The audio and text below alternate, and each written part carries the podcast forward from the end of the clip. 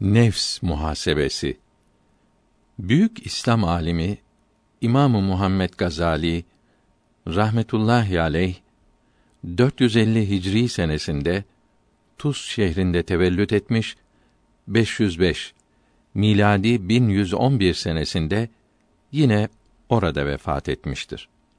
Yüzlerce kitabı içinde son yazdığı Kimya-i Saadet ismindeki kitabında dördüncü rüknün altıncı faslında Farisi olarak buyuruyor ki, Enbiya suresi 47. ayetinde mealen kıyamet günü terazi kuracağım.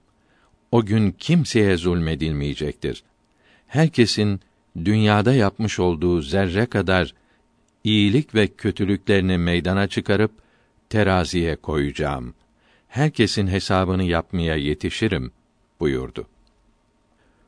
Bunu haber verdi ki herkes dünyada kendi hesabına baksın. Peygamberimiz aleyhisselam buyurdu ki, akıllı şu kimsedir ki günü dörde ayırıp birincisinde yaptıklarını ve yapacaklarını hesap eder. İkincisinde Allahü Teala'ya münacaat eder, yalvarır. Üçüncüsünde bir sanatte veya ticarette çalışıp helal para kazanır. Dördüncüsünde istirahat eder ve mübah olan şeylerle kendini eğlendirip haram şeyleri yapmaz ve onlara gitmez.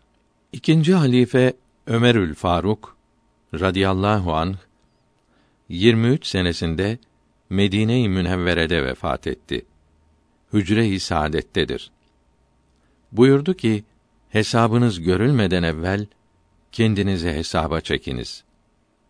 Allahü Teala mealen buyurdu ki şehvetlerinizi yani nefsin arzularını haramlardan almamaya uğraşınız ve bu cihatta sebat ediniz, dayanınız. Bunun içindir ki din büyükleri bu dünyanın bir pazar yeri gibi olduğunu ve burada nefs ile alışverişte olduklarını anlamışlardır. Bu ticaretin kazancı cennettir ziyanı da cehennemdir. Yani kârı ebedi saadet, ziyanı da sonsuz felakettir. Bunlar nefslerini ticaretteki ortak yerine koymuşlardır. Ortak ile önce şartname yapılır, sözleşilir. Sonra işlerine sözünde durup durmadığına dikkat edilir. Nihayet hesaplaşılıp hıyanet yapmışsa mahkemeye verilir. Bunlar da nefsleriyle bir ortak gibi sıra ile şu işleri yaparlar. Şirket kurmak, onu murakabe edip gözetmek, muhasebe yani hesaplaşmak, muakabet yani cezalandırmak, mücahede yani onunla uğraşmak ve muatebet yani onu azarlamaktır. 1. Birinci iş şirket kurmaktır. Ticaret ortağı insanın para kazanmakta ortağı olduğu gibi bazen de hıyanet yapınca düşmanı olur. Halbuki dünyada kazanılan şeyler muvakkattir.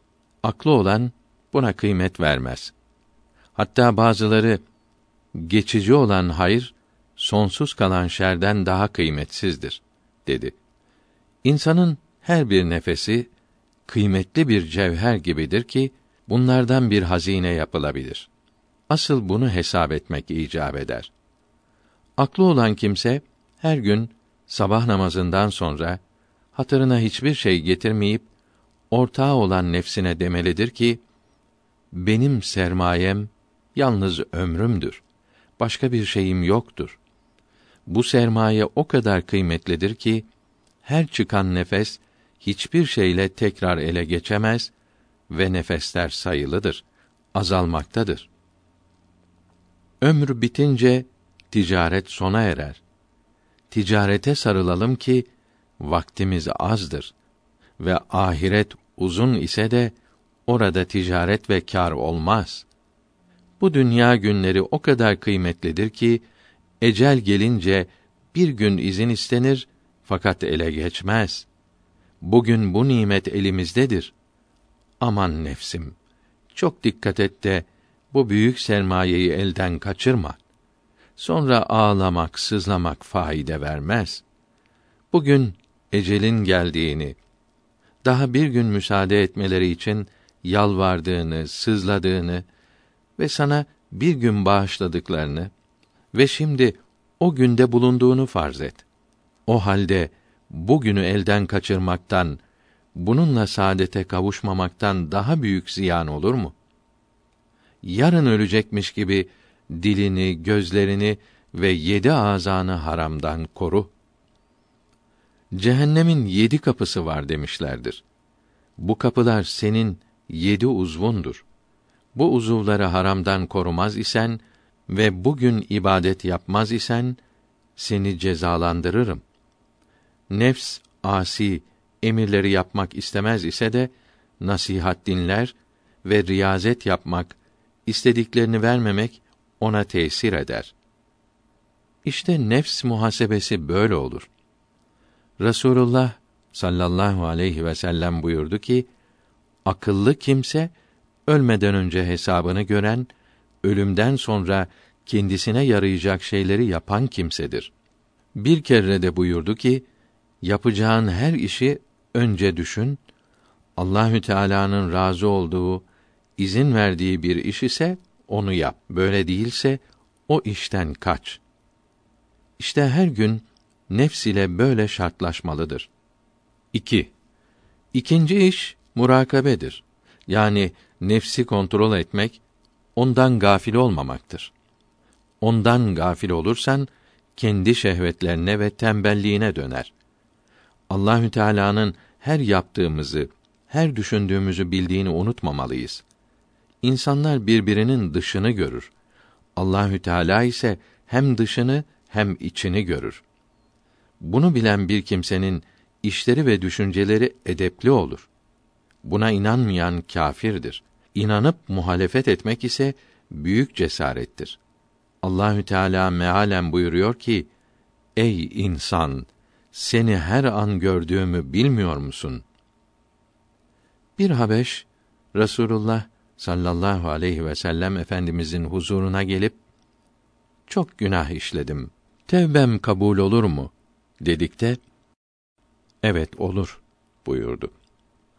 O günahları işlerken o görüyor muydu? dedi. Evet buyurunca Habeş bir ah çekti ve yıkılıp can verdi. İman ve haya böyle olur. Peygamberimiz sallallahu aleyhi ve sellem buyurdu ki: Allahü Teala'yı görür gibi ibadet ediniz. Siz onu görmüyorsanız da o sizi görüyor. Onun gördüğüne inanan onun beğenmediği bir şeyi yapabilir mi? Büyüklerden biri bir talebesini başkalarından daha çok severdi. Ötekiler bu hale üzülürdü.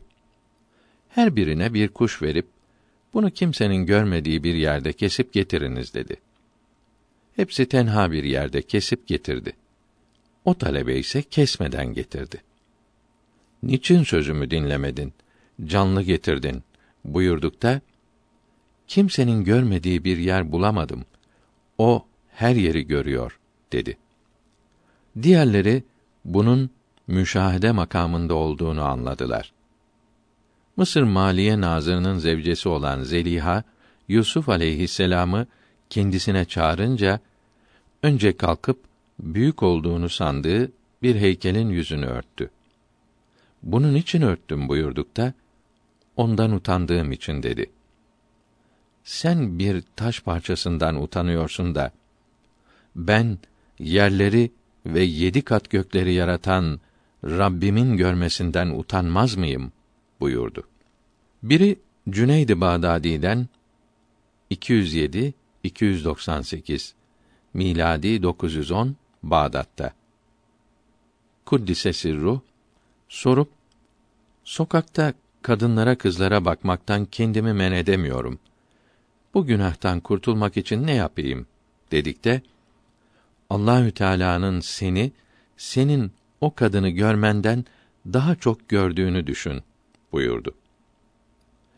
Peygamberimiz sallallahu aleyhi ve sellem buyurdu ki Allahü Teala Adn ismindeki cenneti şu kimseler için hazırladı ki günah işleyecekleri zaman onun büyüklüğünü düşünüp ondan haya ederek günahlardan kaçınırlar.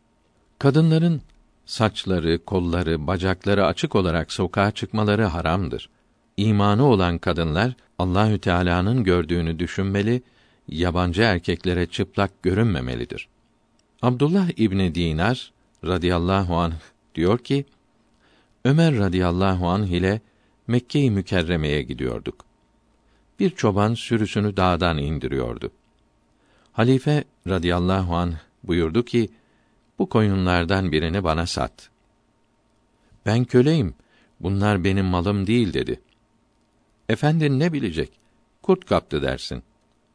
O bilmezse Allahü Teala biliyor ya deyince Ömer radıyallahu an ağladı ve efendisini bulup bu köleyi satın aldı ve azad etti ve bu sözün seni bu dünyada azad ettiği gibi o cihanda da azad eder buyurdu. 3. Üçüncü iş amellerden sonra yapılacak muhasebedir.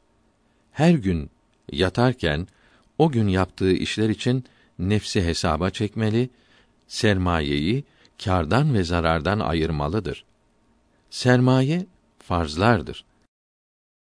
Kâr da sünnetler ve nafilelerdir. Ziyan ise günahlardır. İnsan ortağına aldanmamak için onunla hesaplaştığı gibi nefse karşı daha uyanık davranmak lazımdır. Çünkü nefs çok hileci ve yalancıdır. Kendi arzularını sana iyi, faydalı gösterir. Her mübahı bile sormalı, bunu niçin yaptın demelidir.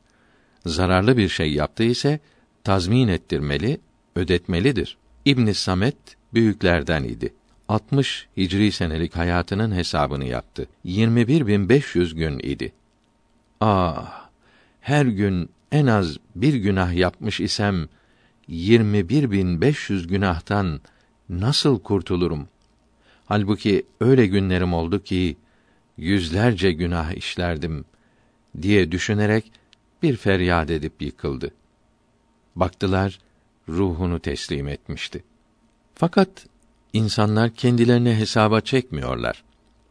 Eğer her günah işledikte odasına bir kum koysa birkaç sene içinde o da kum ile dolar.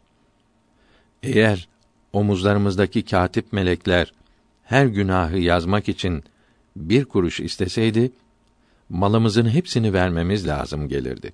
Halbuki gaflet ile çeşitli düşünceler ile birkaç Sübhanallah desek tesbih alır, sayar, yüz kere söyledim deriz de her gün boşuna nice şeyler söyleriz, bunları saymayız.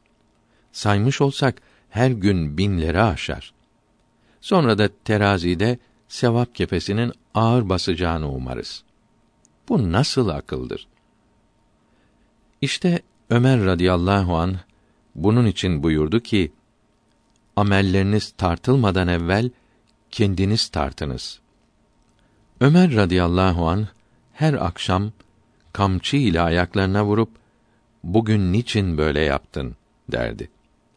İbn Selam rahmetullahi aleyh odun yüklenmiş taşıyordu. Sen hamal mısın dediklerinde nefsimi tecrübe ediyorum. Bakalım nasıl olacak dedi. Enes radıyallahu an 91'de vefat etti. Diyor ki Ömer'i gördüm radıyallahu teala an. Kendi kendine diyordu ki yazıklar olsun sana ey nefsim ki sana emirül müminin diyorlar. Ya Allahü Teala'dan kork veya onun azabına hazırlan. 4. Dördüncü iş nefse ceza yapmaktır.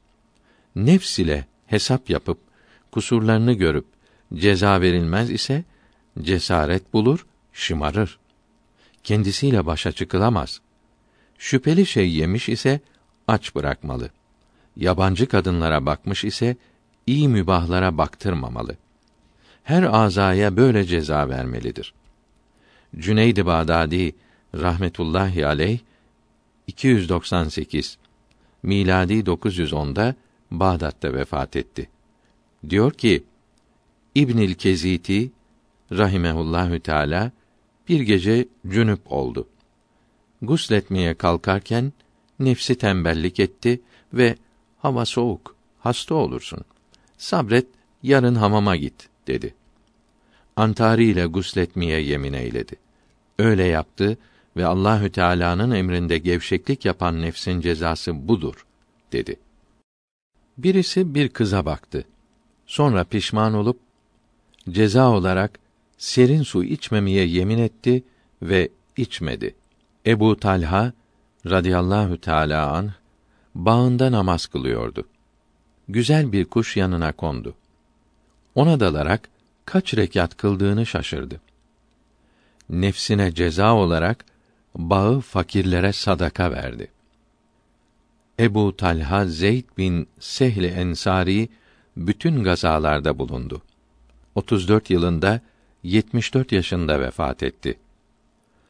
Malik bin Abdullahil Hesami rahimehullahü teala diyor ki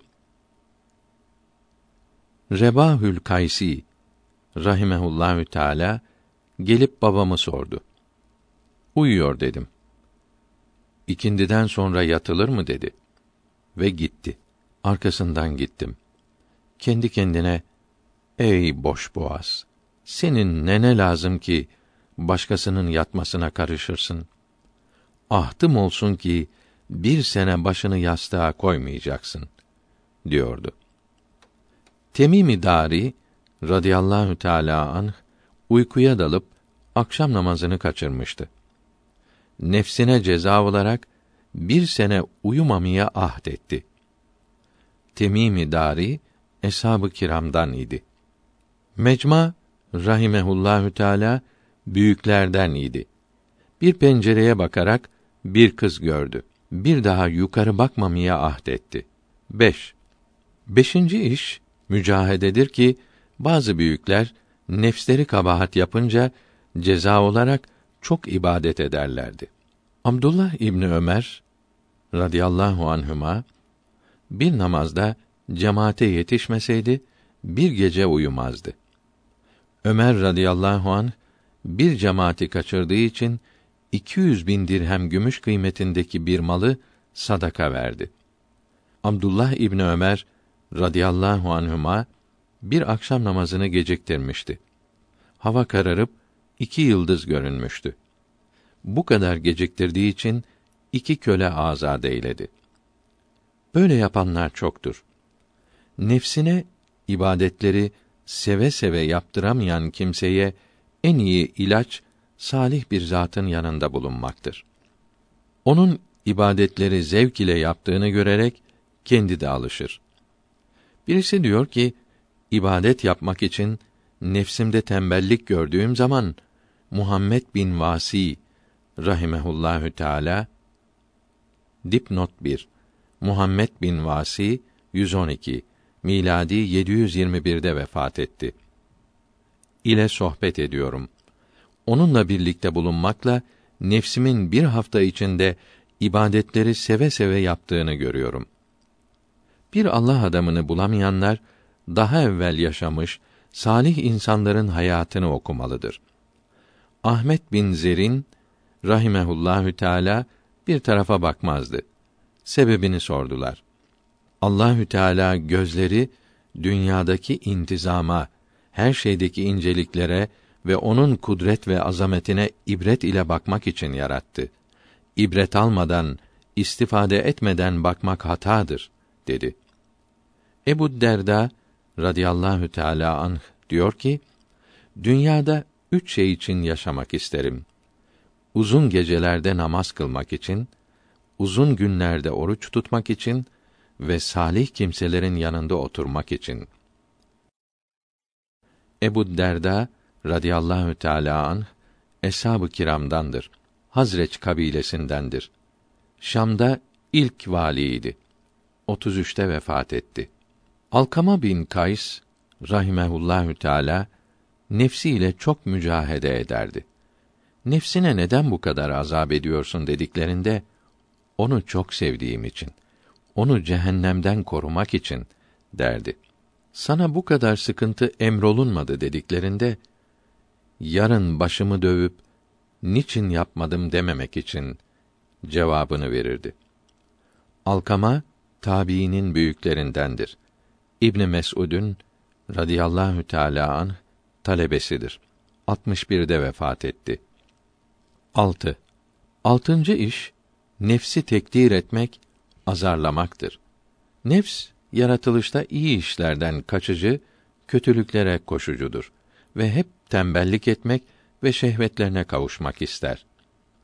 Allahü Teala bizlere nefslerimizi bu huyundan vazgeçirmeyi, yanlış yoldan doğru yola çevirmeyi emir buyuruyor. Bu vazifemizi başarabilmek için onu bazen okşamamız, bazen zorlamamız ve bazen söz ile bazen de iş ile idare etmemiz lazımdır. Çünkü nefs öyle yaratılmıştır ki kendine iyi gelen şeylere koşar ve buna kavuşmaktayken rastlayacağı güçlüklere sabreder.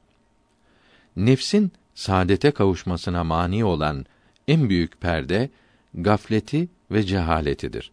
Gafletten uyandırılır, saadetinin nelerde olduğu gösterilirse kabul eder. Bunun içindir ki Allahü Teala Zariyat suresinde mealen onlara nasihat et. Nasihat müminlere elbette faide verir buyurdu. Senin nefsinde herkesin nefsi gibidir. Nasihat ona tesir eder. O halde önce kendi nefsine nasihat et ve onu azarla. Hatta onu azarlamaktan hiç geri kalma. Ona de ki: Ey nefsim, akıllı olduğunu iddia ediyorsun ve sana ahmak diyenlere kızıyorsun. Halbuki senden daha ahmak kim var ki ömrünü boş şeylerle, gülüp eğlenmekle geçiriyorsun? Senin halin şu katile benzer ki polislerin kendisini aradıklarını ve yakalayınca idam edeceklerini bildiği halde zamanını eğlenceyle geçiriyor. Bundan daha ahmak kimse olur mu? Ey nefsim, ecel sana yaklaşmakta.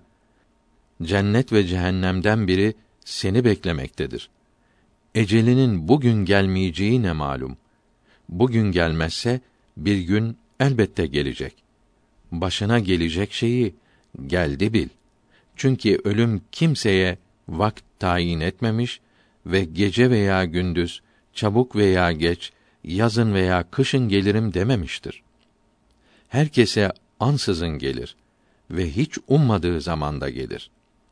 İşte ona hazırlanmadın ise bundan daha büyük ahmaklık olur mu? O halde yazıklar olsun sana ey nefsim.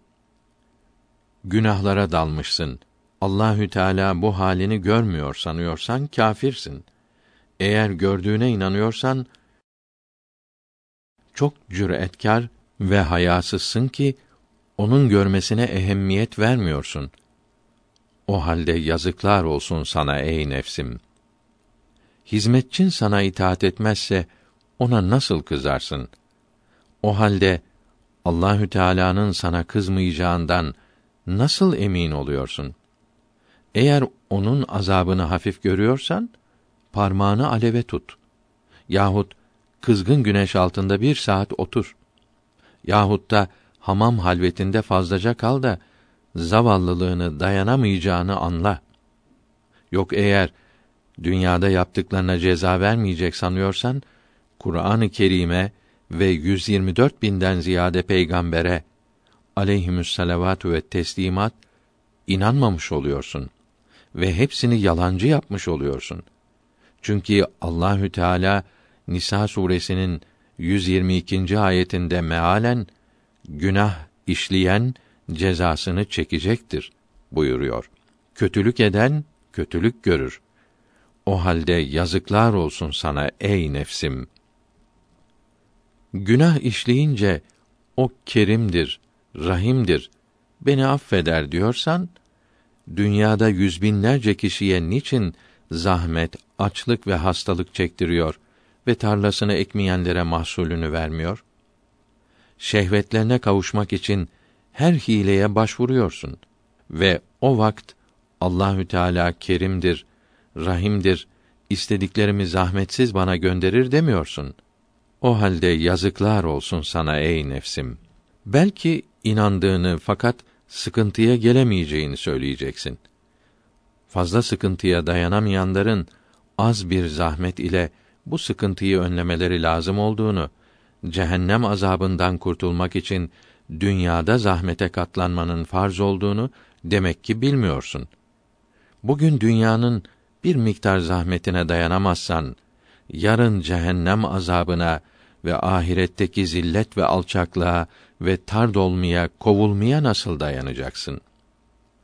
O halde yazıklar olsun sana ey nefsim. Para kazanmak için çok zahmet ve aşağılıklara katlanıyor ve hastalıktan kurtulmak için bir Yahudi doktorun sözüyle bütün şehvetlerinden vazgeçiyorsun da cehennem azabının hastalıktan ve fakirlikten daha acı olduğunu ve ahiretin dünyadan çok uzun olduğunu bilmiyorsun. O halde yazıklar olsun sana ey nefsim.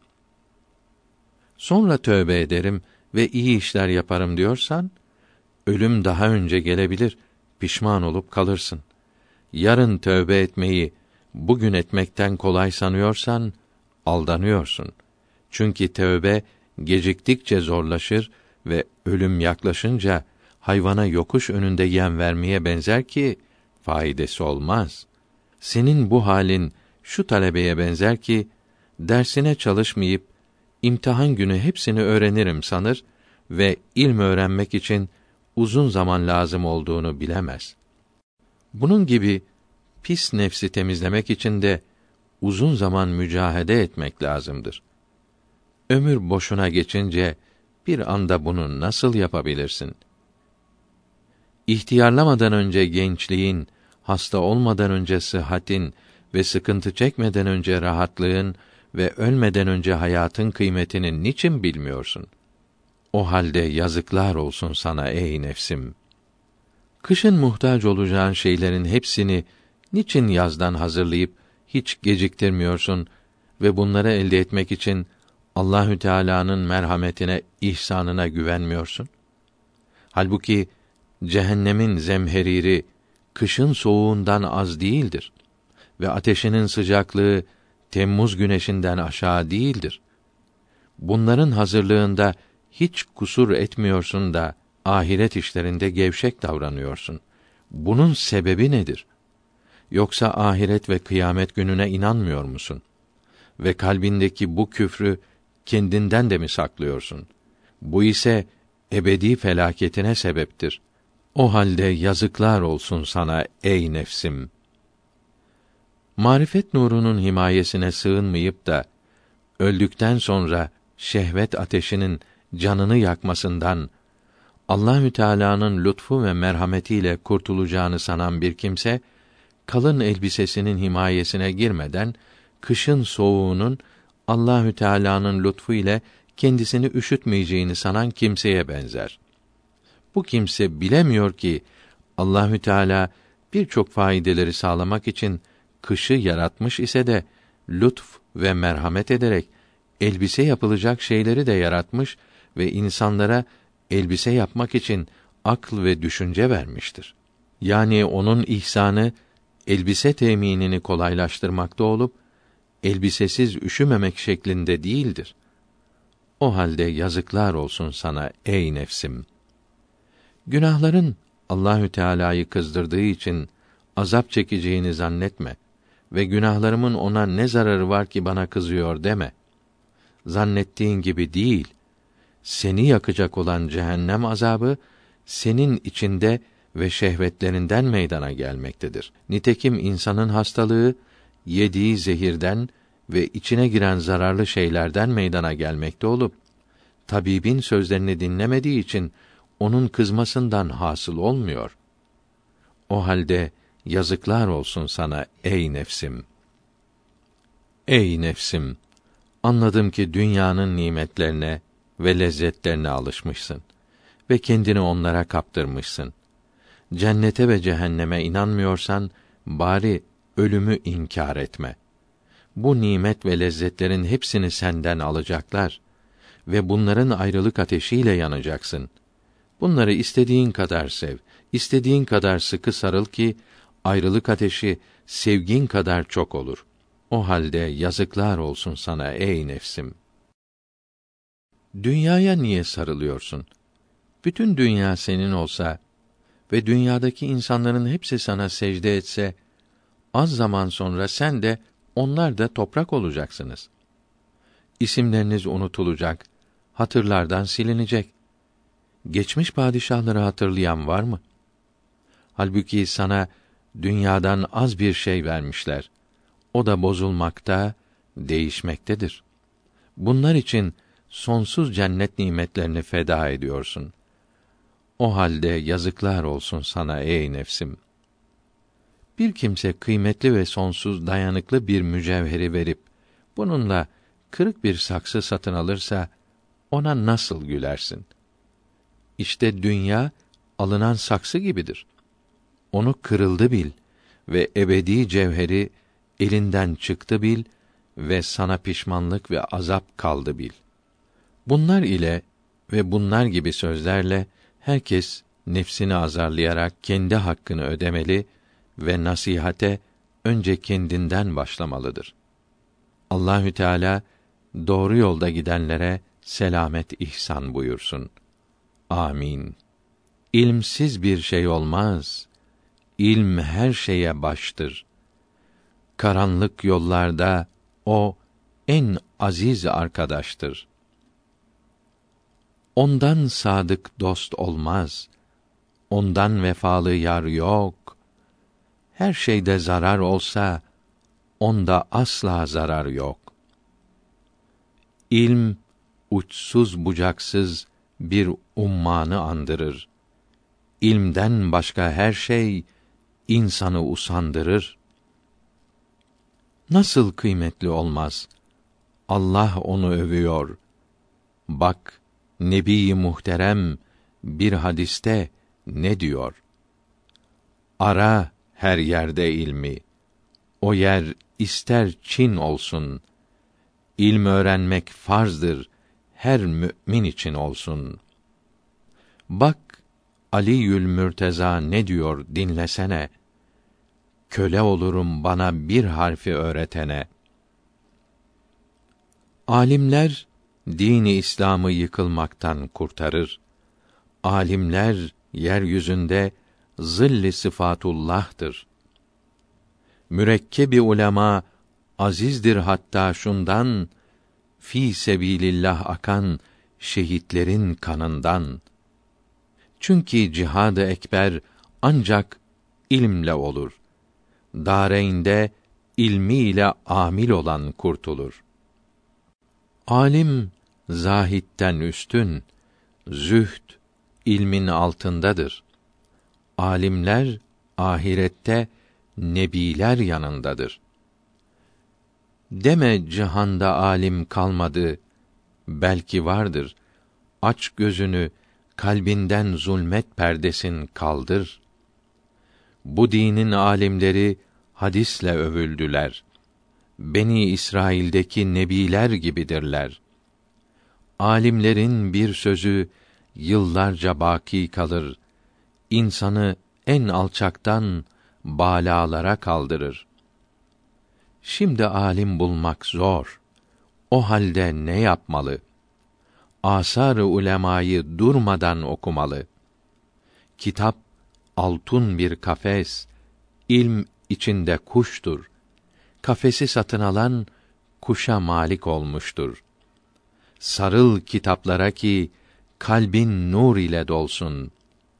Önce okuyacağın Kur'an-ı Kerim olsun.'' Sonra kıymetli eser Buhari ve Müslim'dir. Badehu mektubat-ı İmam-ı Rabbani'dir. Tasavvuf ile fıkh burada vasl olmuştur. Öyle bir alimdir bu, hadisle övülmüştür. Harikalar menbaı, hiç duyulmayan sözler, asırlarca çözülmez muamma meseleler.'' Hepsi mektubatta ve tercümesinde vardır. onsuz kurtuluş zordur. Onsuz ilm noksandır. Eshab-ı Kiram risalesi de gör ne iyi. Oku, güzel anla da takdir et sahabeyi. Mektubat tercümesi ebedi saadettir. Lehül hamd her yerde var. Tamamı bil üç cilttir. İbni Abidine bak. Bir derya ki sonsuzdur. Hanefi'de en büyük fıkh kitabı budur. Gör İhyaül Ulumu, Kimya-ı Saadeti, Gazali'yi yadından çıkarmazsın ebedi. Riyadun Nasihini okuyunca anlarsın. Muhammed Rebhamiye ne büyük alim dersin. Şeyhül Ekber Geylani öğren Behaeddin'i. Böyle zatlar korumuş yıkılmaktan bu dini. Mevahip her eserde adı geçen kitaptır. Resul-i Müctebayı uzun uzun anlatır. Menkıbeler pınarı, ciharı yarı güzin, ihtiyacı çok ona kararan kalbimizin. Merakül felah ve mevkufat kıymetlidir. Mecmuayı Zühdiye sana çok şey öğretir. Marifet nameyi gör, İbrahim hakkıyı bil. Çok oku bir gibiyi, sanma faideli değil. Tercümeyi halleri tanınmış evliyanın içinde anlatılmış reşahat nefahatın. Berekat-ı Ahmedi mucizatül enbiya ne güzel yazılmıştır hadikatül evliya. Dürri yektayı da gör hem umdetül İslam'ı miftahul cenneti ey oğul ilmi halini Rabıta risalesi tasavvufu bildirir. Musannifi Es-Seyyid Veli Abdülhakim'dir. Daha nice kitap var. Denizde inci bunlar. Rahmeti hakta olsun her birini yazanlar. Bizlerden selam eyle ya Rabbi. Sen onlara kolaylık ver onların yolunda olanlara.''